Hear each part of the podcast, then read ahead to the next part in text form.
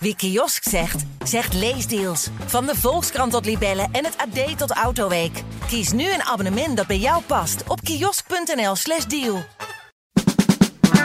Dit is de podcast Politiek Dichtbij. Met Tobias den Hartog en Thomas Brouwer. Hij wilde niet. En toen weer wel. Hij wilde de grootste worden, of toch niet. Hij wilde premier worden, maar toen weer niet. Of toch wel. Er zijn nog veel vragen rond Pieter Omzicht, maar er is ook één zekerheid. Hij gaat als een komeet de Tweede Kamer in met zijn nieuwe partij Nieuw Sociaal Contract. En ook dat gaat gepaard met veel vragen. We bespreken het vandaag met politiek verslaggever Niels Klaas en natuurlijk Pieter Omzicht zelf. Ja, meneer Omtzigt, om er meteen even met de deur in huis te vallen. Wil u deze verkiezingen wel winnen? Heel graag. Ja? Uh, dit land moet anders geregeerd worden. We hebben grote problemen gezien met, uh, met gas, met kinderopvangtoeslag, maar ook met hoe de regio behandeld is. Alles buiten de Randstad. En um, ja, we zijn eigenlijk beland in het stapelen van crisis zonder er ooit eentje op te lossen. En dat komt door de manier waarop we aan het besturen zijn. En hoe meer uh, zetels en dus invloed wij in de Tweede Kamer hebben, hoe makkelijker het wordt om die agenda uit te voeren. Vorige week zei u op Radio 1, het vliegt me soms ook een beetje naar de keel, uh, even samengevat. Dus ik dacht, misschien bent u wel opgelucht met die daling in de peilingen van vier zetels van gisteren. Het, het gaat ontzettend snel, dat moet ik toegeven. En uh, die peiling van gisteren is nog steeds dezelfde als ongeveer anderhalve maand geleden bij hetzelfde peilingbureau. Dus dat is een heel mooi zetelaantal, 25. Um, ja, en we staan nog steeds achter een, een ontzettend mooi verkiezingsprogramma voor bestaanszekerheid, voor goed bestuur, voor minder migratie. En dat uh, zouden we graag uitvoeren. Daar gaan we het zo over hebben. Maar wat is als u nou even één antwoord moet geven op deze vraag. Wat is nou eigenlijk uw doel voor deze verkiezingen? Strategisch. Wat, wat zou u dan zeggen? Eigenlijk de grootste hervorming in de wijze waarop Nederland bestuurd wordt sinds 1848, heb ik gezegd uh, tijdens de speech tijdens onze ledendag. En dat betekent een aantal wijzigingen in de grondwet van een grondwettelijk hof. Tot eindelijk vastleggen dat als de regering naar Europa gaat en geen toestemming heeft om met een wet in te stemmen, dat ze dan ook geen toestemming hebben om, om ja te stemmen in, Brussel. Dat zijn hele fundamentele dingen over hoe je land bestuurd wordt. En die moeten uh, eigenlijk een keer veranderd worden, omdat we gewoon niet met fatsoenlijk bestuur bezig geweest zijn. Afgelopen dinsdag was Dylan Jessekus de gast en zij had een vraag voor u. Laat ik nou vragen dan um, wanneer er uh, de, de prijzen achter zijn menukaart komen te staan. Ja, deze kent u, meneer Omzicht. Uh, iemand die altijd alle documenten van het kabinet wilt zien. Uh, levert u zelf weinig als het gaat om berekeningen over hoe u die grootste plannen wilt verwezenlijken en hoe dat kan. Dat verwijt kent u inmiddels. Dat verwijt ken ik. Ja, maar wat is daarop inmiddels uw reactie? Want we hadden op een gegeven moment wel, heeft u gezegd, nou ik kom nog wel met nadere informatie. Die hebben we nog niet gezien. Hoe moeten we dat wegen? En kijk, je kunt een doorrekening maken als je voor 1 augustus naar het Centraal Planbureau toe gaat. Ja. En toen bestonden wij nog niet als partij. Dus heel simpel, uh, dan heb je geen doorrekening. Maar het gaat nog één stap verder. En mijn modellenkritiek van de afgelopen twee jaar is vrij duidelijk geweest. Daar heb ik ook speeches op gegeven op PBL. Die kunt u terugvinden op mijn website. Um, wat we aan het doen zijn uh, met uh, die modellen van het uh, Centraal Planbureau, is dat we bijvoorbeeld denken dat we arbeids, dat we banen creëren door prikkels in de sociale zekerheid te zetten en in de belastingen. Dat heeft geleid tot het ingewikkeldste belastingstelsel ter wereld. Met heffingskortingen die niemand begrijpt, met toeslagen die, waarvan je niet weet wanneer je ze moet terugbetalen. En als je die prikkels nog scherper maakt en de terugbetalingen nog groter, dan creëer je in de modellen van het CPB banen. Ja. Maar volgens mij creëer je door fatsoenlijk economisch beleid banen. En als je dus al die prikkels harder gaat zetten, wat een aantal partijen doet, dan doe je precies het verkeerde voor bestaanszekerheid. Je zit nog meer stress in die samenleving te duwen. Dus als je vraagt van wil ik dat lijstje hebben waarin staat van wilt u gaan prikken, dan is het antwoord nee. Wij zullen het tegenovergestelde doen. Ja, maar die, die andere partijen willen ook een ander toeslagenstelsel, ook een ander belastingstelsel. Het is alleen ja, niet met een, knop, een druk op de knop geregeld. En, nee, ja, dat tot gaat nog even duren. Ja, precies. dat, dat, dus, dat, dus dan is het wel, ja, tot die tijd zullen we leven we in deze wereld, zullen we maar zeggen, met deze werkelijkheid. Dan, dan ja, is het bij andere partijen beter te lezen in, ja, hoe, hoe ze er vanaf komen in de werkelijkheid waarin we nu zitten. Nou ja, wat je ziet is dat ze de prikkels nog hoger maken. Dus nog hogere arbeidskortingen, waardoor degene die de arbeidskorting niet krijgen, zoals wanneer je een arbeidsongeschiktheidsuitkering hebt, je 400 of 500 euro per maand minder krijgt. En je ziet nu dus dat mensen die uh, helemaal arbeidsongeschikt zijn, netto minder dan 70% van hun eerdere loon overhouden, omdat ze meer belasting betalen. Ja. Iedereen denkt, hé, hey, je houdt 70% van je loon. En omdat je, als je wat lager inkomen hebt, minder belasting betaalt. Niets is minder waar. Ze betalen meer belasting. Dus ze zitten nu soms op 63 procent. En dan moeten ze nog een volledige uitkering hebben. En dat zijn allemaal die prikkels die erin gebracht zijn. En dan zie je daarna een rapport over bestaanszekerheid, waar ik twee jaar geleden om gevraagd heb met de motie, dat daar nu juist de problemen zitten. Met deze modellen gaan we de oplossingen niet brengen. En wat heb ik toen gezegd? Bij ons krijgt u geen beloftes over grote verhoging van het minimumloon, zoals bij anderen. Bij ons krijg je dus ook geen beloftes over grote lastenverlaging, want het laatste kabinet ehm, heeft 20 miljard extra uitgegeven, waardoor we nu een tekort van 30 miljard per jaar hebben. En de vorige keer weet u hoe het gegaan is. Ja, toen zijn de oude berekeningen overboord gezet en is men opnieuw begonnen. Dat is eigenlijk uw kritiek geweest, toch? Nou ja, eh, de VVD zei we gaan 6 miljard bezuinigen in het verkiezingsprogramma. CDA 3 miljard. En D66 zei we gaan een miljard extra uitgeven. En toen het regeerakkoord er lag, werd er 20 miljard extra uitgegeven, waar niemand iets van begreep. Om u een voorbeeld te geven, CDA en VVD zeiden we gaan 3 tot 400 miljoen per jaar extra uitgeven aan klimaat. Um, D66 zei 1,9 miljard. En het werd uiteindelijk ongeveer 7 miljard extra. Mhm. Dus totaal iets anders. Plus een klimaatfonds van 35 miljard. Ja. Dus de partijen, en dat zie je nu ook met de berekeningen die ze ingeleverd hebben. Um, de Partij van de Arbeid heeft zulke hoge belastingverhogingen erin gezet. dat het gewoon onderhandelingstechniek lijkt. in plaats van zo willen we wat is, nou het, wat is nou het belangrijkste argument wat ik hoor? Want twee argumenten. Twee dingen zeggen, zowel de inhoud en de werking van modellen en, en de perverse prikkels, zoals ik maar verstaan. En we waren laat begonnen, maar laat een partij oprichten. Ja, met alle respect, daar gaat u zelf over. Hè? U had een maand eerder kunnen zijn, had u de CPB gehaald. Zeg ik dan nou, maar dan hadden we het niet dus- gehaald. Dus, dan had... nou ja, maar of nee, joh, nee, tuurlijk. Maar, maar wat is nou het belangrijkste argument van deze twee? Beide, beide. Wij zouden misschien met een beperkte iets mee hadden kunnen doen. Maar ik heb fundamentele kritiek op hmm. hoe deze modellen werken. En dat deze modellen mede de oorzaak zijn van de problemen die wij vandaag hebben. Maar, maar, dat is, maar dat is dus wel waarom ik zeg, wij, wij zeggen expliciet in ons verkiezingsprogramma, wij beloven geen grote dingen. In ons verkiezingsprogramma staat, bij ons wordt de kinderopvangtoeslag niet gratis. Bij de VVD moet je in de doorrekening kijken, want in het, in het programma staat, het, het wordt gratis en doorrekening niet. Bij ons staat gewoon, het wordt niet gratis. Dus wij zijn daar ook eerlijk in. En u zegt die hervormingen van ons zijn duur. Ja, kijk, het opzetten van een grondwettelijk hof is een grote hervorming. Maar duur is het niet, als je snapt wat ik bedoel. Hè? Het is één gebouw en één rechtbank. Nou, is geen, zo, uh, komen misschien zo, nog even op. Maar toch even, de, snapt u wel de paradox van... u wil altijd alle decimalen achter de komma van de ander zien. Maar als die aan u gevraagd worden... Ja, en, maar snapt u dat wij op dit moment in een wereldbalans zijn... waarin wij schijnzekerheid bieden met de plaatjes die wij geven. En dat is waarom wij zeggen, we hebben prioriteiten. Die prioriteiten zijn bestaanszekerheid. Voor het geld zeg ik, hè, want voor goed bestuur is niet een kwestie van het geld. Het geld zal voor bestaanszekerheid nodig zijn. Dat zal voor de woningbouw nodig zijn. Dat zal uh, nodig zijn om uh, waar mensen onder het minimum vallen op dit moment ze boven het minimum te tillen. Daar zal best wat voor nodig zijn. Daar zit onze prioriteit. Um, en daar zijn wij dus, uh, dus eerlijk over dat het zo bereikt wordt. En dat dan kiezerskost, dat neemt u op de koop toe. INO peilde gisteren minder zetels en zei onder meer de onduidelijkheid over de financiële doorrekeningen kost hem kiezersgunst. Dat neemt u dan op de koop toe? Nou ja, dat is, kiezers mogen zelf bepalen ja, waarom ze het kiezen. En overigens is het dit keer wel voor de eerste keer dat de BBB geen doorrekening heeft. De PVV geen doorrekening heeft. De SP geen doorrekening heeft. Dus uh, komt u er alsjeblieft... Dus ik ben benieuwd wanneer Je hebt het ook allemaal gevraagd, ja. Ja, nee, maar in, in, in, in de afdeling... Uh, er moet echt een keer wat gebeuren hoe we met die doorrekeningen omgaan. Ja. En die discussie, nou ja, die ben ik nu tien jaar aan het voeren in Den Haag. Die heeft u ook gezien toen ik nog Kamerlid van het CDA was. Van jongens, op deze manier gaan we het belastingstelsel kapot maken. En iedereen zei dan ja. En uiteindelijk doen we precies dat met die doorrekening. En zie je dat al die partijen weer 30, 40, 50 maatregelen hebben om de belasting te veranderen. Terwijl dat helemaal niet doorgevoerd kan worden. Dus afgezien dat er nog de verkeerde prikkels zijn, zijn het ook nog onuitvoerbare prikkels die erin gezet worden door die partijen. Straks meer over uw partijprogramma. Maar wat weten we eigenlijk van Pieter Omtzigt zelf? Pieter Herman Omtzigt werd in 1974 geboren in Den Haag als een van een tweeling. Omtzigt senior was ambtenaar en later diaken in de kerk in Almelo. Zoon Pieter bewaart zijn preken voor het parlement. Daar wordt hij geprezen als toeslagenterrier, dossiervreter en held van de verdrukte. Maar ook gehekeld, vanwege zijn doordrammen, doemdenken en een soms hardnekkige tunnelvisie. Je moet als politicus niet alleen maar die rol van aanklager willen vervullen. Je moet ook vertrouwen willen geven dus als politicus heb je ook een rol om het vertrouwen niet, uh, het, om het vertrouwen in, in de samenleving te herstellen. Lange tijd was zich actief voor het CDA. Nu is hij leider van Nieuw Sociaal Contract. We hebben dit weekend een nieuwe politieke partij opgericht. We gaan ons inzetten voor beter bestuur en bestaanszekerheid.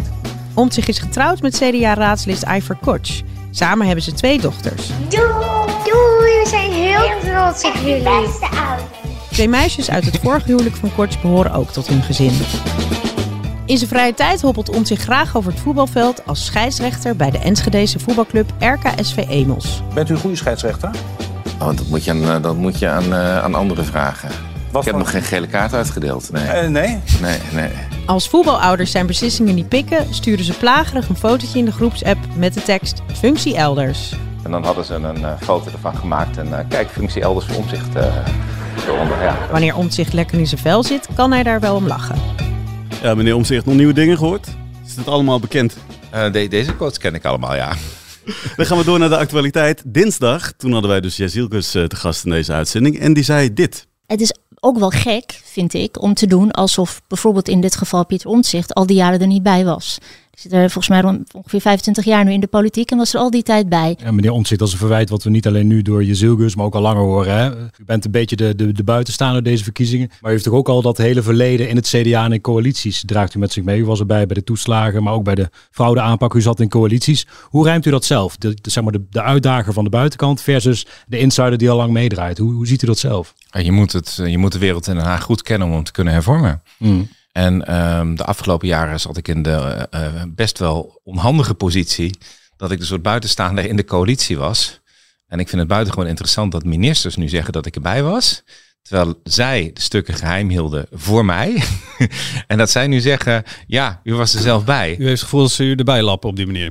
Ik heb wel het gevoel dat ze de wereld een beetje op de kop aan het zetten zijn. Ja, Eh, kijk, eh, op een gegeven moment eh, in 2019 heeft het kabinet eh, zelf onderzoek laten doen. Wat is er mis met die toeslagen? Omdat wij zoveel Kamervragen stelden dat ze dachten, nou, we moeten het ook voor één en voor altijd uitzoeken of er nou echt een probleem is of niet. Wat op zich gewoon de goede reactie is. Hè? Als Kamerleden blijven zeuren in hun ogen van, nou, werk dan maar uit. En toen kwam die memo Palma boven tafel, kwam alles boven tafel. En toen wisten ze in juni 2019, er is een knettergroot probleem. We moeten het rechtzetten. We hebben het advies van de hoogste juridisch ambtenaar die zegt... wij hebben de fout gemaakt bij de Belastingdienst, niet die ouders. En wat deden ze toen? En dat is het verwijtbare. Ik denk dat iedereen uw werk in de toeslagenaffaire zit. Nee, maar even dan- nee, maar dan- maar dan- even de aanloop. Bijvoorbeeld de, de, wet, de, de- ja, de wet die de toeslagen mogelijk maakte bijvoorbeeld. Hè? Of, de, of de, de fraudeaanpak nog voordat de affaire was. Of het schandaal zoals we die nu kennen. Hoe ziet u dat verwijt? Zo van, ja, meneer Omtzigt, u was er toch bij. U kon toch ook mee eh, draaien aan de knop. De toeslagenwet net anders inrichten. Ziet u daar wel, een, ziet u daar wel als, een reëel, als een reëel vraagteken? Ja, ik snap best. eh, kijk, voor mij, en misschien heeft u vandaag trouw gezien, ehm, andere krant, eh, dat Caroline van der Plas en ik degene zijn die het meest met wetsbehandelingen bezig zijn. En dat is juist omdat, omdat ik besef dat daar de grootste veranderingen plaatsvinden. Niet bij het indienen van, van, van 5000 moties per jaar, maar bij het indienen van specifieke amendementen. Dat zijn wijzigingen op wetten van hoe je het doet. En op die eh, aanpak fraudewet. Ja, toen die in de Kamer kwam eh, voor toeslagen, toen was er maar één Kamerlid en dat was ik namens het CDA. Die zei van deze wet is te hard. En ik heb drie voorstellen ingediend om die wet zachter te maken. In die wet stond bijvoorbeeld dat, eh, dat de Belastingdienst, ik geloof, 26 weken had voor te besluiten of je recht had op een toeslag. En toen zei ik maar, een alleenstaande ouder hè, in de bijstand die gaat werken en een baan vindt en een kinderopvangtoeslag vraagt, die kan toch niet 26 weken gaan wachten? En toen kreeg ik van de VVD, zowel van de staatssecretaris als het Kamerlid over me heen, ja, u bent tegen fraude aanpak. Ik zei nee, dit is doorgeschoten. Dus juist op dat moment dat iedereen zei, dit moet zo, zei ik al van jongens, pas op. Je kunt die inbrengen gewoon teruglezen. En ik ben ook heel benieuwd wat de parlementaire enquête daar over een paar weken over gaat zeggen. Over de toekomst dan, over een eventuele nieuwe regering. Geert Wilders van de PVV, die zegt eh, eh, nu eigenlijk er valt best met mij eh, te praten. Luister even mee. Wij zijn een partij die al hebben laten zien, als wij maar ook iets van onze eigen punten die wij belangrijk vinden terugkrijgen, dat wij dan ook bereid zijn om die concessies te doen. We zijn een volwassen partij die mee wil doen. Wij zullen natuurlijk op punten die voor ons het belangrijkste zijn, als immigratie en asiel, het minste concessies doen. Maar dat geldt misschien niet voor vrijheid van godsdienst. Hè? Dat, eh, u heeft al gezegd van dat zit me, eh, dat zit me eh, niet lekker. Dat is een obstakel. Vrijheid van godsdienst is er bij u oog in het vaandel. Gooit u definitief de deur dicht voor Wilders? Kijk, ehm, ik heb die toeslagenschandaal, dat heb ik gedaan omdat je ziet wanneer je de grondrechten van burgers niet respecteert. Wanneer ze geen recht op informatie hebben. Wanneer de Belastingdienst niet eerlijk is in de rechtbanken, dan word je vermorzeld. Dat zijn rechten die vastliggen in de grondwet. Recht op een eerlijk proces bijvoorbeeld. En, en recht op gelijke behandeling. Want hè, mensen met, eh, met bijvoorbeeld twee, eh, met, een, ach- met een buitenlandse achtergrond werden echt anders behandeld Mhm. op die zwarte lijsten. Die grondwet is er niet voor niets, die is er voor de bescherming van burgers. Daarom zeg ik ook, richt zo'n grondwettelijk hof op, zodat je een betere bescherming van die grondrechten hebt. Nou, een, een paar van die grondrechten, censuurverbod, vrijheid van meningsuiting, vrijheid van godsdienst. Dus als ik straks gekozen word als Kamerlid, dus het eerste wat ik doe is de eet of gelofte afleggen op de grondwet. En trouwens ook op het statuut voor het Koninkrijk, maar dat is Mhm. nog een andere. Waarin je belooft die grondrechten hoog te houden. Nou, vrijheid van godsdienst is een van die grondrechten. En als dan een andere partij in het verkiezingsprogramma heeft staan... geen moskeeën, Ja. geen Korans. En ja, dat verhoudt zich niet. Dat klinkt als een, als een lange nee dus eigenlijk. Ja, dat, ja, maar dat komt wel omdat ik, ik, ik redeneer niet vanuit of ik iemand leuk vind of niet, want Ja. dat is constant de vraag. Geert Wilders heeft een aantal zeer valide punten en op migratiebeperking heeft hij ze echt. Dus hè, ik bedoel, dat hebben we wel eens een beetje genegeerd, zal ik maar zeggen in Den Haag. Daar heeft hij ook een aantal punten gelijk gekregen. Maar voor het vormen van een regering zal je dus ook die grondrechten moeten Maar als hij dan zegt, meneer Omtzigt, toch even tussendoor. Stel nou dat hij zegt, en dat doet hij al min of meer. Hè, dus daarom vraag ik het. Het is niet helemaal hypothetisch. Van ja, ik heb natuurlijk dat hele programma. Dat heeft meneer Omtzigt ook, mevrouw van der Plas ook. Daar staat heel veel in. Maar deze keer, deze regeerperiode, gaat het mij vooral om migratie en asiel. Maakt dat de situatie dan niet misschien anders voor u? Dat hij al die anti-grondwettelijkheden in uw ogen dan eigenlijk op het tweede plan zet? Ja, Die zijn niet alleen in mijn ogen. Ik bedoel, dat vraag iemand, vraag willekeurig Ja, iemand maar maar. Dat is geen, eh, dat is niet een interpretatie of een klein verschilletje of zo. Of het gaat langs het randje. Nee, het gaat er een stuk over. Ehm, nou ja, hij heeft een verkiezingsprogramma waarin dat in staat. Dus ja, als je zo'n verkiezingsprogramma presenteert en je zegt het zit in ons DNA, dan, ehm, ja, dan is dat best een obstakel, zou ik zo zeggen. We gaan door. Een van de belangrijkste thema's deze verkiezingen is bestaanszekerheid. Ja, meneer Omtzigt, alle partijen hebben het erover. En u al, eh, u al wat langer hè, eh, over bestaanszekerheid. Dat noteert u dan eh, ook in uw eh, toespraken. Maar als het bijvoorbeeld gaat om minimumloon, zegt u expliciet juist, ik ga daar geen hoog bedrag aan hangen nu. Ik vind dat onverantwoord. Maar waarom doet u dat niet? Het is ook weer zo'n argument misschien dat ik als kiezer denk, ja, wat wil Omtzigt nou? Biedt hij me nou wel of niet meer eh, minimumloon? Nou, ik heb sowieso gezegd, ik ben voorzichtig met beloftes. En u heeft bij de vorige verkiezingen gezien, degene die beloofde om de migratie naar beneden te brengen, die hebben het nooit gedaan met zes staatssecretarissen. Degene die belastingverhoging, eh, verlaging beloofde, sorry, verhoging beloof je niet zo snel. Nee. Die hebben het nooit waargemaakt. Dus ik zeg, wees daar heel voorzichtig mee. Als er, hè, ik heb twee jaar geleden die motie ingediend van, ik denk dat het, dat het bestaansminimum in Nederland niet goed gedefinieerd is en dat bepaalde groepen onder balans zijn. En toen keek iedereen mij aan, maar uiteindelijk is dat gesteund. En anderhalf jaar lag er een rapport en dat zei, daar moet iets aan gebeuren. Daar staat wel een percentage in. Ja, en de regering heeft ook 2 miljard uitgetrokken deze zomer structureel. Mhm. Eh, iets minder dan ze zeiden, maar, hè, want het pakket was 3 miljard. Maar de regering maakte een forse stap, Ja. zeg ik, op, op, op wat er moet gebeuren. En die nadere stappen die kunnen ook gemaakt worden. Daarna gingen een aantal partijen meteen zeggen, hoe hoger, hoe beter. Waarom ik dan zeg, pas op, bestaanszekerheid gaat niet alleen over de hoogte van het minimumloon. Wat de afgelopen jaren met tientallen procenten verhoogd is. En u weet misschien nog dat ik toen ik het CDA-verkiezingsprogramma schreef, zelf er een stijging van 10% ingezet had. Mhm. Die later ja. teruggedraaid is. Maar het gaat ook over de kosten. En eh, het gaat ook over eh, of je een vaste baan hebt en Ja. woningen hebt. Dus we hebben een heel pakket maatregelen. Omdat we in Nederland best een hoog minimumloon hebben. Hoger dan in, de, dan in Frankrijk of, of, of Spanje. Veel hoger zelfs.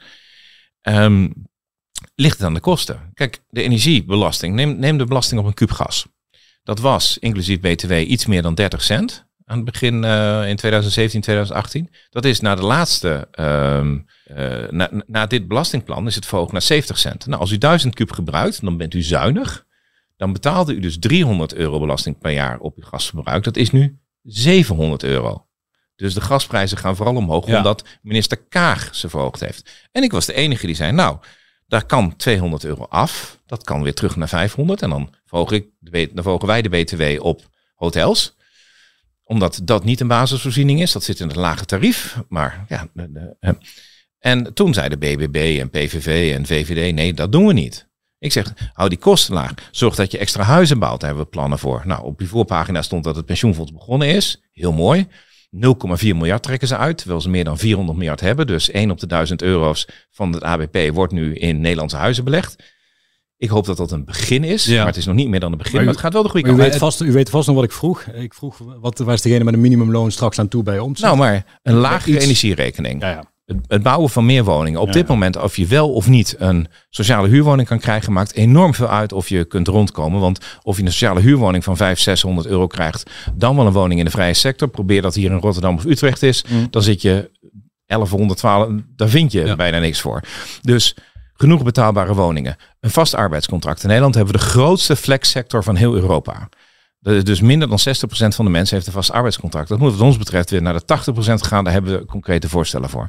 Om die woningmarkt ehm, weer vlot te trekken moeten we en bouwen. Dat gaan we doen met de woningbouwcorporaties, maar ook met de pensioenfondsen. Blij dat ze de, hè, de, handschoenen opgepakt hebben. Uh, maar ook met lokale verenigingen van, van mensen die zeggen: wij willen een soort nieuwe corporatie opzetten. We zullen aan de werkgevers vragen. Vroeger bouwde u woningen voor uw werknemers. Wilt u dat weer doen? Wat heeft u nodig? En we zullen migratie gaan beperken. Want op het moment dat je meer dan 200.000 migranten per jaar toelaat, ja, wordt, loopt het woningtekort alleen maar op. Maar toch is het, is het zo, het is een mix hè, van maatregelen. Daar is minimumloon uh, één onderdeel. En daarvan kun je zeggen, nou, maar dan doen we dat, dan hoeven we daar niet zo op blind te staren, dat dat het belangrijkste is. Maar het is wel concreet. Je hebt dan wel iets van houvast als, uh, als kiezer. Dus in het, het rapport Sociaal Minimum stond ook een percentage van verhoging minimumloon. Houdt u dan niet daaraan vast? Is dat dan niet een, iets waarmee u zegt van nou, dat wordt het? Nou, het minimumloon is dit jaar een stukje extra ja. verhoogd. We zitten nu op 13,27 euro. Dat is genoeg. Dat is genoeg. Eigenlijk. Dat is nog niet genoeg. Maar het is wel het samenspel tussen wat je krijgt tussen toeslagen en minimumloon. En wat je dan bijvoorbeeld ziet, en daarom begin ik zoveel over huizen. Ja. Iedereen zit alleen aan het absolute minimum te kijken. En daar krijgen mensen dus een forse huurtoeslag. Maar mensen die er vlak boven zitten, ja. die zitten, of, of, of daar zelfs nog een heel stuk boven zitten, die zitten eigenlijk hetzelfde netto, omdat ze die veel duurdere woning hebben. Ja. Dus in mijn ogen, en wat ik mis bij de andere partijen, is dat woningmarktprobleem oplossen. Um, omdat. Wilt ook elke partij? Of, uh, nou, daar, ik denk dat wij de enige zijn die daar zegt, daar kan ook extra geld voor uitgetrokken worden. Want iedereen wil het wel. Maar je zult uiteindelijk ook um, met die woningbouwcoöperatie en pensioenfonds afspraken maken.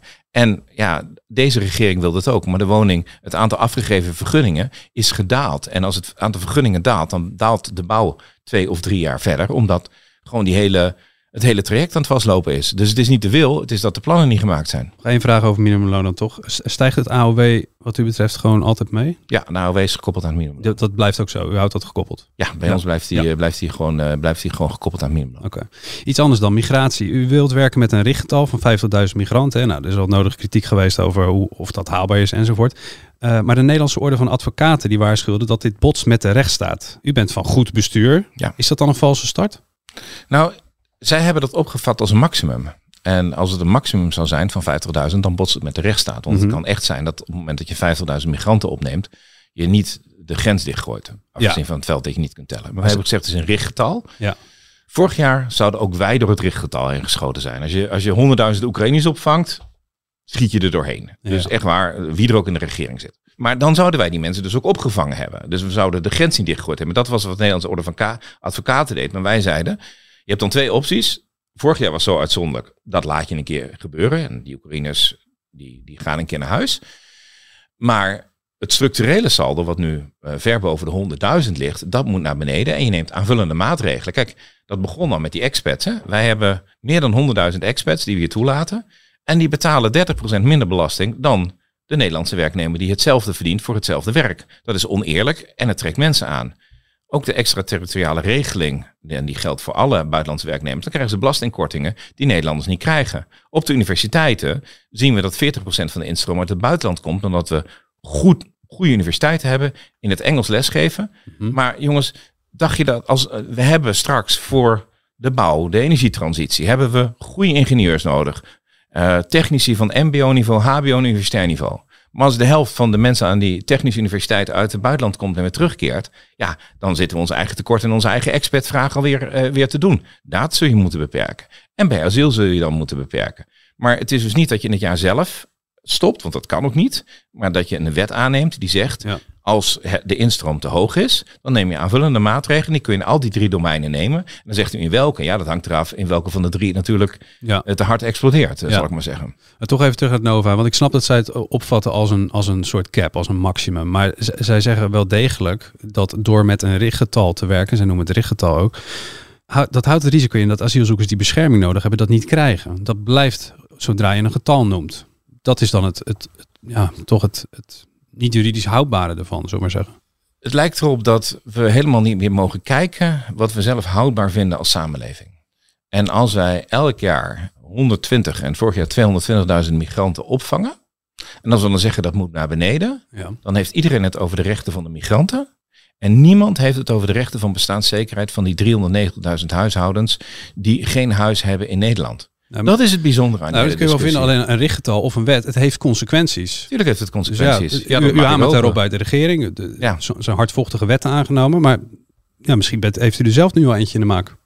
Nou, als, als, als wij niet gaan sturen op migratie, als we migratie niet gaan beperken en daar onszelf ook geen doelen op zetten, dan ehm, loopt het ons over de schoenen, lossen wij het huistekort niet op. En ik vind het heel interessant dat dan de sociale grondrechten van de Nederlandse bevolking, die geen woning kunnen vinden, niet met een gezin kunnen starten, ernstig in de klem komen. En daar zit een balans tussen.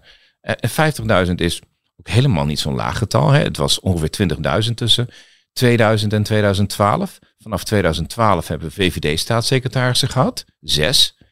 En het is, ondanks alle verkiezingsbeloften in elk verkiezingsprogramma van de VVD, onder hun staatssecretarissen opgelopen van 19.000 in 2013 naar 220.000 vorig jaar, waar je die 100.000 Oekraïners vanaf mag trekken, want dat ligt niet aan, de, aan de regering. De oorlog in Syrië ook niet, toch? Ik bedoel, Wat? ja, je kan niet zeggen dat de VVD de oorlog in Syrië ook is begonnen. En dat het, het, heeft, al, het heeft altijd externe effecten. Die, die, Nou, maar de arbeidsmigratie zeggen we al tien jaar dat we daar iets aan moeten doen. En we doen het niet, hè? We u, hebben het rapport van 2011 van de commissie Koopmans gehad. We zien de rapporten van eh Emiel Roemer. Eh, hoe wij met arbeidsmigranten omgaan is ook niet altijd heel netjes, zeg ik maar even.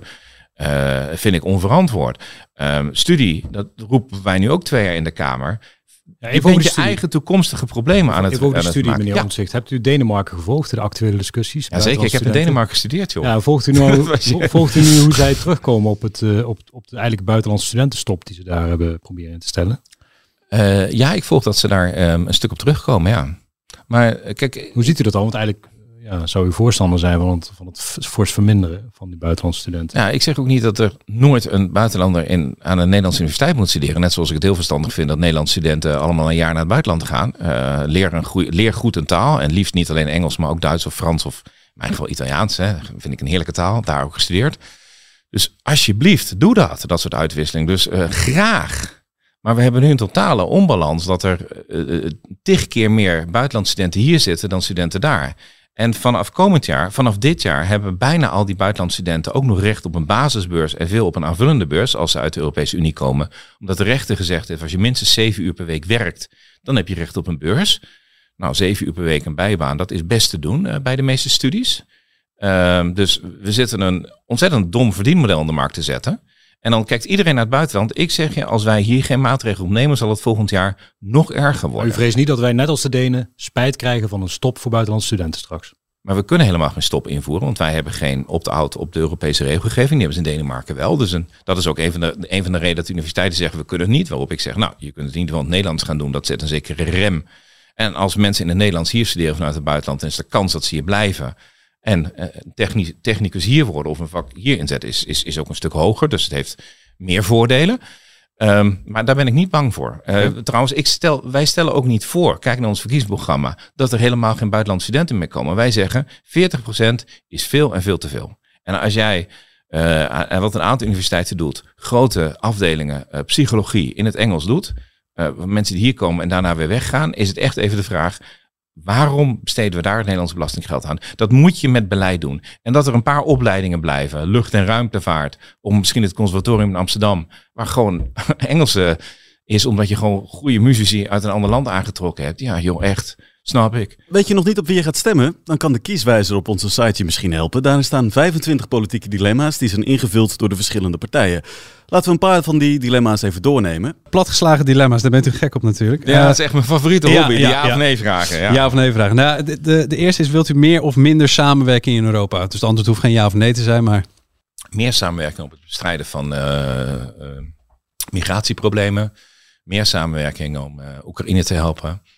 Ehm, meer samenwerking om ervoor te zorgen dat we een gelijk speelveld hebben bij klimaat. Dus dat wij niet achter of voorop lopen, maar het samen doen. Ja. Minder samenwerking op ehm, het maken van gezamenlijke schulden. Eh, daar zijn we Ja. echt eh, helemaal tegen. Even op dat punt van, eh, van migratie. Hè? Want u zegt als het in een uiterste geval niet lukt om tot Europese afspraken te komen daarop, dan zou Nederland een opt-out moeten overwegen. Hè? Dan, ja, dan stap je eigenlijk buiten die Europese regels. Zijn dan niet van, op ons van toepassing. Maar juridisch is, ja, lijkt dat ook een, een onhaalbare ka- kaart, toch? Er lijkt nu een verdragswijziging aan te komen. Er is een Ja. Europese top over drie weken. Ja. Ik denk dat ze gaan, gaan werken naar verdragswijziging. En dan zul je... Kijk, het ideaal is niet dat je een Maar dat is nog even duimen dus, of dat kan. Ja, weet je, het ideaal is niet dat je een opt-out neemt, maar als het bij die Misschien verdragswijziging... toch heel de- even, hè, de opt-out. Opt-out betekent, over? ja, het goed. Opt-out betekent dat als de, kijk, aan de bestaande Europese regelgeving ben je gehouden. Maar als Europa zegt, wij gaan op een nieuw beleidsterrein samenwerken, ehm, ja, dan moet dat per unanimiteit genomen worden. En als je zegt van nou, ik doe niet mee, dan hoef je niet met de kopgroep mee te doen. Dat hebben we ook wel. Dan doe je dus niet mee met die Europese regels. Wat ons betreft, kijk je altijd of je mee kan doen. Want eh, zeker bij migratie, het zou echt fijn zijn om het samen te doen. En Ja. we hebben ook open grenzen met Duitsland en België. Dus zo makkelijk is het Nee. niet om iets anders te doen. Maar ehm, dat zou een onderwerp kunnen zijn dat eh, als er hele slechte regels eh, komen, dat we dan niet meedoen. Maar niet als inzet. Maar tot nu toe lijkt het alsof we niet eens bereid waren om dat te overwegen. En dat was een beetje dom. Volgende dilemma dan. Het aantal koeien, kippen en varkens moeten we behouden of juist sterk verlagen. Uw partijgenoot Harm Holman zei dat we 10% minder koeien zouden moeten hebben en 25% minder varkens. Is dat een streefgetal zoals NSC dat heeft? Of is dat eh, wat u Beleidsmatig richtgetal. Nou, kijk, we zien heel veel stoppende boeren. Ehm, we zien dat we een nieuwe landbouwvisie nodig hebben voor het verdienmodel van boeren. We zien ook dat we eens moeten kijken hoe het met dierenwelzijn zit. Dat zit meer bij de varkens, zeg ik dan maar, dan, Ja. bij, de, ehm, dan bij de melkkoeien. Ehm, en dat eh, zal leiden tot een verlaging van het aantal dieren. En wij vonden het wel zo eerlijk, in het kader van ben je eerlijk wat je voor de verkiezingen doet. Ja, het aantal dieren zal dalen eh, de komende jaren. Ook om de stikstofproblematiek op te lossen. Ook om te kijken hoe we eh, weer naar ook een houdbare percentages, landbouw ook komen. met die percentages die Holman had, 10% koeien, 25% minder varkens. Is dat, zijn dat de streefgetallen? Het zijn geen streefgetallen, maar dat is waar je ongeveer uit zou kunnen komen. Kijk, want als iedereen zegt daalt, daalt, waar denk je dan aan? Nou, dan heb ik ook gezegd, dan denk je aan een sterkere daling bij eh, de varkens dan je denkt ehm, eh, bij, de, bij de melkkoeien. Bij eh, Thijs van der Brink vertelde u wat de komeetachtige opkomst van uw partij met u doet. Het geeft een eh, groot gevoel van verantwoordelijkheid eh, om, om me goed voor te bereiden. Hoe zorgen we dat we de goede plannen op orde hebben? Dus dat is dan heel raar dat je eigenlijk midden in de verkiezingscampagne zit, waarvan je eigenlijk aan begon met het idee van nou, als we onze plannen nou concreet maken en als we nou gewoon wat zeggen, dan, nou, dan gaat het vanzelf wat minder. Ik heb uh, stellige voorkeur om fractievoorzitter te worden. Ja, meneer Omtzigt, als we later, laten we zeggen, over tien jaar terugkijken op deze campagne, dan, wordt het, dan kijken we terug en dan concluderen we dat dit de campagne was die u domineerde. Met alles wat u deed, maar ook met dingen die u niet deed. Uitstellen soms van een besluit of even twijfelen over een, over een positie. Is dat nou allemaal bewuste strategie? Als u langer in de politiek meedraait, dan zult u zien dat de meeste dingen die gebeuren geen strategie zijn, maar zoals ze gebeuren. Iedereen vroeg van, joh, kunnen we een goede kandidatenlijst opstellen? Nou, ik heb gezegd, die kandidatenlijst die komt uh, voor, uh, voor 9 oktober. Nou, we hebben een paar weken eerder zelfs gepresenteerd. Uh, hebben meer dan 2000 mensen gesolliciteerd. al die cv's die zijn beoordeeld. Er zijn honderden gesprekken gevoerd. En uiteindelijk 44 kandidaten, echt topkandidaten op die lijst gekregen. Mensen die, die ook in staat zijn om dit land te hervormen. Denk aan Sandra Palme van die memo waar we het over hadden. Die is klokluider bij belastings geweest. Casper Veldkamp die was ambassadeur in Israël en Turkije tijdens de tijd van die migratiedeal. Ik snap maar voordat u uw hele lijst afgaat, maar even zeg Nee, maar. ik zal niet helemaal afgaan. Nee, niet maar- alle 43, Nee, maar, even, maar een paar goede de, kandidaten. zeg maar de algemene vraag. Dat zeg maar wat wij gezien hebben aan de buitenkant. Soms even wachten, Ja, maar soms even- even nee, dat is- was dat nou allemaal, dit is ons campagneplan of was dat gewoon een opeenvolging van gebeurtenissen die u ook niet helemaal eh, geregisseerd had? Nou ja, toen, toen ze vroegen, kom met de kandidatenlijst. Ja, kom met de kandidatenlijst tijdig. En we leverden hem twee weken voordat we zeiden dat we hem leverden. Toen zeiden we komen voor 1 november met een verkiezingsprogramma. Uh, lag hij er ook uh, anderhalve week voor die datum. Dat iedereen dan zei, er is geen verkiezingsprogramma. Leek meer een spel om te kijken of ik hem wel zou kunnen leveren. En want achteraf uh, waren er zelfs journalisten en, en, burgers die daarna geen vraag meer stelden over de inhoud van dat verkiezingsprogramma. En toen dacht ik, ja jongens, kom op. we hebben een heel inhoudelijk verkiezingsprogramma geschreven. Mm. En uh, die dingen hebben we netjes gedaan. En we hebben ook gezegd, we kunnen niet meedoen met de CPB-doorrekeningen. Dus nee. ja, dat is op zich allemaal niet zo raar. Met mensen die u wat langer kennen, u weet dat ik ook wel bij het CDA wel eens rondwandel. Uh, daar kennen ze u natuurlijk ook goed. Die zeggen wel, ja, over echt grote dingen heeft u zelf trouwens ook wel eens gezegd. Kan, kan om zich best lang twijfelen. De speld grapt inmiddels. Uh, Pieter om zich gaat loodjes trekken na, uh, na, na, na 5 december. Met ja. andere woorden, maakt zijn mind pas op als het, als het voorbij is. Nou, maar toch heeft... Mijn dochters hebben maar... al lang gedwongen die dingen te trekken. Dus okay. daar hoef je niet zo druk om te zijn. okay. dat, uh... maar toch even de serieuze vraag die natuurlijk onder ligt. En ik, ik stel hem toch wel. Vindt u het als voorstander van, van transparantie en goed bestuur verantwoord om mensen naar de stembus te laten gaan zonder reëel zicht op wie sleutels van het torentje krijgt als NSC de grootste wordt? Vindt u dat zelf verantwoord? Ja, en um, um, wat ik onverantwoord gevonden heb de afgelopen jaren was de manier waarop ons land bestuurd werd. Het werd bestuurd vanuit het torentje. En wij zeggen, die, eh, dat staatsrecht moet hervormd worden. Uh, de rol van de premier, zeker in de Nederlandse context, moet ook echt weer worden zoals die is. Je kunt geen besluiten nemen in het katshuis.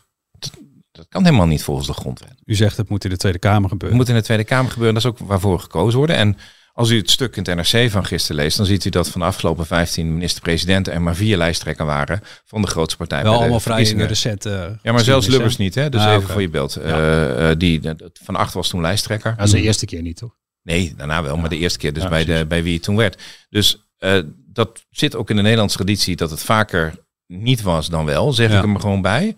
En ja, ehm, eh, als we hem hadden kunnen, als we of haar hadden kunnen presenteren, hadden we dat gedaan. Maar ik zeg u gewoon, ik doe alles wel, eh, eh, wel overwogen.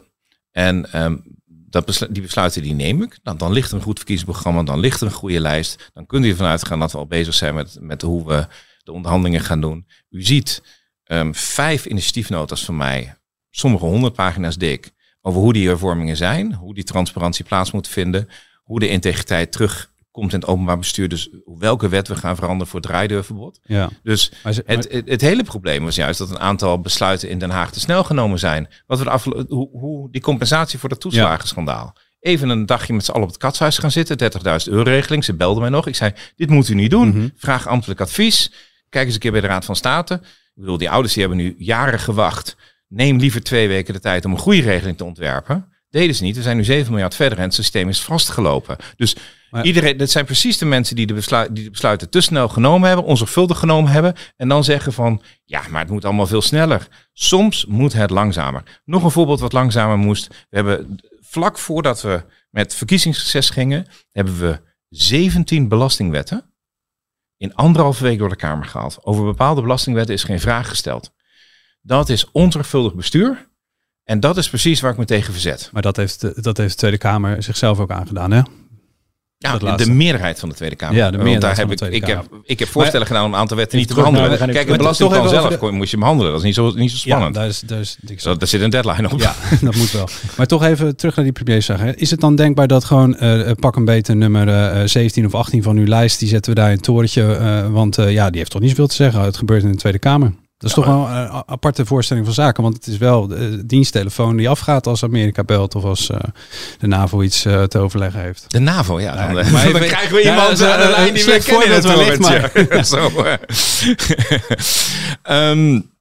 Eh, de- de- de- we, we gaan hier zorgvuldig eh, naar kijken. Ja. Ehm, eh, Maar toch even het, het mechanisme dat het dan een, een, een, een pak een beetje een onbekende nummer 16 of 17 wordt van uw lijst die daar komt te zitten. Dat, dat doet anders aan dan het in de recente geschiedenis is geweest. Dat snap ik. En ik denk ook niet dat die het worden, overigens. Ehm, ehm, maar ja, kijk, op het moment dat je drie maanden bezig bent, en wij hadden ook niet verwacht dat we ehm, daar niet bovenin zaten. En op dit moment staan we niet bovenaan in de peilingen. Dus ik zou zeggen, doe rustig aan.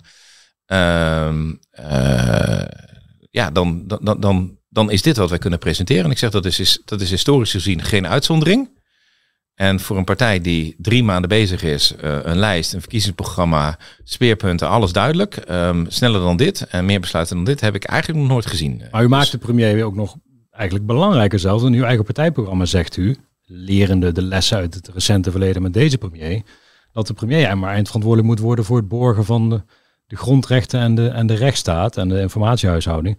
Ja, en uitgerekend die persoon, die dus een heel belangrijke rol krijgt, daarvan eh, kennen wij nu de identiteit niet. Nee, en die wordt ook niet gekozen eh, bij de Tweede Kamerverkiezingen. We kiezen ehm, partijen. En ik zie constant dat we niet beseffen dat die wetten in de Tweede Kamer heel veel belangrijker zijn. En ja, het is belangrijk wie er in het torentje zit. Dus begrijp me niet verkeerd dat dat eh, eh, zomaar een functie is. Maar we kiezen de Tweede Kamer, we kiezen op basis van de inhoud. En wat ik nu zo mis, is een open discussie in Nederland. Wat zijn nou de problemen waar we tegenaan lopen? Hè? Bestaanszekerheid is meer dan minimumloon. Maar terecht dat je me vraagt, wat betekent dat voor minimumloon? Ehm, en over de bestuurscrisis, nou, waar wij tien voorstellen gedaan hebben, heb ik een aantal genoemd. Maar we gaan ook anders met modellen om. Daar doen we ook voorstellen voor. En we gaan ervoor zorgen dat elke brief met een rechtsgevolg, dat noemen we beschikking in Nederland, dat daar een telefoonnummer of een e-mailadres op staat van een ambtenaar die je kunt bellen. En dat als de brief onleesbaar is, dat je hem kunt terugsturen. Want Als jij zo'n onleesbare brief krijgt, konden er nog wel eens 10.000 andere van die onleesbare brieven ergens liggen. Gaat u dan een hoop extra worden. ambtenaren aannemen om dat te kunnen doen? Wat zegt u? Gaat u dan een hoop eh, extra ambtenaren moeten aannemen om dat te kunnen doen? Nou, ik denk dat je er veel problemen mee bespaart. Ja, ja. Want op het moment dat je, dat één zo'n brief, die worden vaak met 10.000 tegelijk door de Belastingdienst verstuurd. En als u hem niet goed kunt lezen, kunt u ervan uitgaan dat er nog duizend mensen het probleem hebben en de belastingtelefoon gaan bellen. Dus ik heb liever dat die brief opnieuw geschreven wordt en opnieuw gestuurd wordt. En als je dat drie keer gedaan hebt, dan komen daar ook andere mechanismes met begrijpelijke brieven. Dat doen ze in Engeland. Hebben ze een campaign voor Clear English en kan allemaal. Ehm, je neemt die maatregelen. En wat ik dan mis, is dat iedereen hier vraagt: ja, met wie ga je regeren? Wie sluit je uit? Wat doe je? Welke problemen gaat de volgende regering oplossen? Want de vorige keer heeft niemand gehoord van een stikstoffonds, niemand van een klimaatfonds. Daar ging 60 miljard naartoe. Dat vond niemand interessant. Ik vind het interessant wat de plannen van de politieke partijen echt zijn. En welke en, en, en, en hoe die duidelijk worden in de campagne. We gaan door. De keuze die we op 22 november in het stemhokje maken heeft niet alleen invloed op de korte termijn. In de rubriek De jeugd heeft de toekomst stellen jongeren vragen aan de lijsttrekker. Ik ben Milan de Horst, 19 jaar oud. Eh, ik zit op het Graafschap College. Ik studeer daar nu af als juridisch medewerker. En ik ben op dit moment ook nog bestuurslid bij de Nationale Jeugdraad. MBO-studenten lopen nou, enerzijds tegen de waardering aan. Dus we zien dat MBO-studenten soms worden geweigerd bij clubs. Ik heb zelf direct meegemaakt dat eh, ik dan wel binnenkwam omdat ik een studentenpas had vanuit mijn instelling. Dat is natuurlijk ontzettend fijn, maar sommige eh, studenten die hadden het dan jammer genoeg niet. En die werden dan ook geweigerd. Ehm, aan de andere zijde zie je dus ook in het landelijke beeld dat soms wel uh, neerbuigend wordt gekeken. Dat als een uh, VMBO of als een scholier vanuit het VMBO dus naar het MBO gaat, toch de, de, de ouders kijken of ze misschien naar, het of naar de HAVO kunnen gaan. Staat u erachter om als we het MBO dezelfde waardering willen geven als de HBO en MBO-studenten in Nederland, het MBO helemaal opnieuw in moeten richten? Ja, het gaat dus, eh, meneer Omzicht, over de waardering van eh, MBO'ers. Eh, er staat een en ander in uw programma over MBO'ers, maar niet zozeer over de waardering. Is dat dan een groep die u ook over het hoofd heeft gezien? Of? Ik denk dat we twee of drie zinnen meer over, aan het MBO hadden kunnen wijden als we wat tijd gehad hadden. Ja, nou staan er wel twee of drie zinnen in. Ja, maar daar hadden er een paar meer in Ja, nog wat meer, Echt, ja. echt, daar heeft u gewoon een punt in. Ehm, dat, dat- is een zeer ondergewaardeerde groep. We missen heel veel vakmensen en die, ja, die komen van het MBO. Eh, en die regionale ROC's, eh, die, die, die, die verdienen meer waardering. Nou, dat is niet alleen ehm, bij eh, het feit dat ze soms inderdaad nu niet toegelaten worden door clubs waar HBO en universitaire studenten toegelaten worden. Nou, dat kan echt niet, zou ik zo zeggen. Dus veranderen daar. Ehm, en ja, wij hebben een aantal dingen voorgesteld voor de MBO. Dus bereikbaar. Binnen drie kwartier moet je bij een VMBO of MBO-opleiding kunnen zijn. In ieder geval voor de meest voorkomende. Als je een heel specialistisch hebt, ja, dan moet je nog iets verder reizen. Ehm, en dat vakmanschap dat moet nog meer centraal komen te staan dan het nu staat. Dus het leren van dat, eh, van dat vak. Eh, ja, eh, wat, wat ik al zei, voor de bouw, de energietransitie. eh, dat zou totaal stil komen hard liggen zonder. Hebt u eh, mensen met praktische opleiding of MBO op uw lijst eigenlijk? Vroeg me af. Nee, we hebben wel weer een oververtegenwoordiging van mensen met een universitaire opleiding. Dat Ja. moet ik wel eerlijk toegeven. Ja. Wat vindt u daar zelf van? Nee, kijk, daar zaten we met een dilemma. Eh, een dilemma is het volgende. Wij willen een aantal eh, manieren waarop de staat functioneert, willen wij eh, vergaand hervormen. En dat betekent dat je mensen met specifieke ervaring nodig hebt. Dus Sandra Palme was degene die waarschuwde, maar ze was ook de hoogste juridische ambtenaar van de Belastingdienst toeslagen. Casper Veldkamp was de ambassadeur van Israël. Nou, Bij, sorry, van Nederland in Israël en in, in Griekenland. Dus dan krijg je een wat overtegenwoordiging van, eh Mm. eh, van. We hebben ook mensen die, nou, neem Faith Bruining. Eh, die heeft, is eerst jarenlang heeft ze in de jeugdzorg gezeten, ook in de gesloten jeugdzorg. En is daarna slachtoffer geweest van toeslagenschandaal. Maar je kunt toch ook hervormen met praktisch opgeleide mensen? Nee, maar zij is praktisch opgeleid. Overigens heeft ze zichzelf nu opgewerkt en heeft ze ook een universitaire studie gedaan. Ja. Dat is echt bijzonder knap. Ehm, Maar u er, zegt staan er, wel er staan er wel een aantal op de lijst. Maar ehm, in Nederland heeft de meerderheid een mbo, hè, als u snapt wat ik bedoel. En Mhm. bij mij op de lijst heeft de meerderheid een wat hogere Ja. opleiding. Ja, Nou, zeker is, omdat eh, het over ook vertegenwoordiging gaat. Ook, eh, het komt ineens hem op hoe je pleit, pleit natuurlijk voor dat eh, district, eh, of in ieder geval deels regionaal kiesstelsel. Maar ik voel me misschien als Groningse gasgedupeerde met een praktische opleiding wel veel meer vertegenwoordigd door een Limburgse mijnbouwschade gedupeerde met een middelbare opleiding dan over iemand die toevallig uit Groningen komt. Hè? Dus representatie via regio is ook maar één aspect. Ja, is maar één aspect. Maar eh, we hebben gezien dat dat aspect ondergesneeuwd gesneeuwd is. En dat betekent dat eh, eh, we de afgelopen jaren minder eh, kandidaten buiten de Randstad gehad hebben dan op basis van de bevolking je zou eh, moeten hebben. Ook op mijn lijst is het trouwens nog niet helemaal in evenwicht. Staat geen zeel op, bijvoorbeeld? Staat, nou ja, er staan er twee op. En eentje werkt voor de provincie Zeeland in Middelburg. En was van plan weer terug te verhuizen. Dus die, Had er wat dus die komt er wel eens. Ja. Nou, wel, die komt er elke dag. Ja, nee, wel eens. eh, dat eh, weet je, ik bedoel, het is niet eh, zoals ik zeg, ik kom uit Den Haag omdat ik er ooit geboren ben. En nee, hè, eh, eh, dus eh, ja, eh, uit elke provincie komt er een. Heeft net die provincie genoemd. De enige waar op dit moment niemand woont. Maar eh, wel twee mensen die daar zeer nauwe banden mee hebben. Ehm, nou, kijk, eh, een van de grote problemen van Nederland is dat we dat landelijke lijststelsel hebben. En bij het landelijke lijststelsel betekent, en ik heb daar zelf heel veel last van gehad, dat de partijleider gaat wie er op de lijst komt te staan. Als je als Kamerlid ooit een keer stemt tegen de lijn van de partij in, dan weet je dat je de volgende keer nooit meer op een lijst komt te staan. En dat is precies wat de hele checks and balances fout maakt. Ik ben er een paar keer vanaf gehaald, omdat ik moeilijk deed. Maar dat was omdat ik bijvoorbeeld dat toeslagenschandaal zag. En ehm, als je dan zegt, nou, dan stem ik er niet mee in, dan is dat het einde van je politieke carrière. En ik vind dat dat dus meer, iets meer op afstand van de partij gezet moet worden en dichter bij eh, de bevolking. Dat doe je met een regionaal kiesstelsel. Er zitten ook kle- kleine nadelen aan, maar dat doen we door wat grotere kiesdistricten te vormen. Hè? Dus in Zuid-Holland zullen er 25 uit Zuid-Holland komen en, en, en, en Overijssel misschien acht. Ehm, zodat er ook meerdere partijen uitkomen. Er komt ook nog een lijst voor partijen die net te klein zijn om het overal te halen, zodat die wat kleinere partijen niet uit het parlement verdwijnen. Even over het torentje. Dat, dat vlaggetje in dat torentje, weet je, die rode, de rode vlag uit Twente. Wordt die gehezen? Bent u zelf echt uitgesloten als kandidaat? En niemand krijgt het antwoord, maar wij willen zo graag het antwoord. Ga je, wil je het doen? Wil je premier worden? 84% van uw aanhang, van mensen die overwegen op u te stemmen, hopen dat u toch premier gaat worden. En hoe groot is de kans dat na de verkiezingen u terugkomt op het vandaag ingenomen standpunt? Pieter. Zeg het gewoon, Pieter. Ja, zeg het gewoon, Pieter. Eh, op die vraag gaan we voor 22 november nog geen antwoord krijgen, geloof ik. Eh, toch even fantaseren. Stel, uw partij is na 22 november de grootste. En u gaat toch dat torentje in. Wat mag er dan zeker niet aan de muur ontbreken? Welk portret, welk schilderij moet daar opgehangen worden? Dus een hoop als-als vragen, maar Zeker. interpreteer maar even wat er in mijn werkkamer hangt. In mijn werkkamer in Den Haag, misschien heb je hem gezien Niels, hangt inderdaad het, eh, een, een, een grote schilderij van het Binnenhof. Mhm. Ehm, een portret van iemand. Ja, een Nou, inspiratiebron wellicht. Nou ja, in mijn werkkamer in de Tweede Kamer zou ik als inspiratiebron uh, Thorbecke wel willen zien. eh, die eh, vormgegeven heeft aan hoe onze grondwet opgebouwd is. Nou, sinds drie weken hangt er ook een grote foto van Thorbecke met de grondrechten in de Tweede Kamer. Ook een initiatief van mij geweest. Waarom? Omdat die grondrechten centraal staat en omdat hij dat, dat heeft vormgegeven.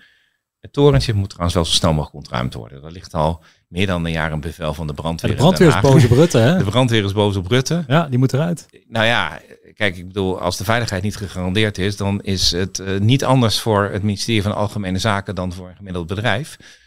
Het hele Binnenhof wordt verbouwd. Dus ik neem aan dat de volgende premier hetzelfde lot ondergaat als de Tweede Kamer.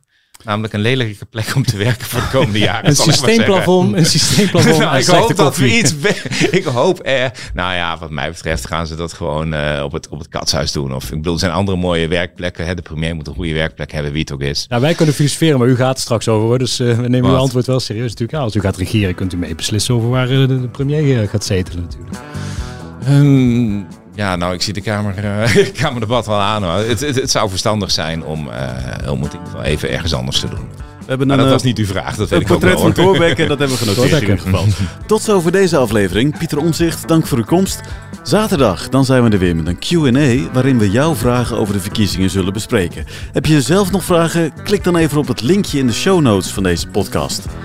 Alle podcastafleveringen zijn terug te vinden op ad.nl slash politiek dichtbij. En wil je geen aflevering missen? Abonneer je dan. Dat kan via Spotify of Apple Podcast. Zaterdag, dan zijn we er dus met een Q&A. Tot dan.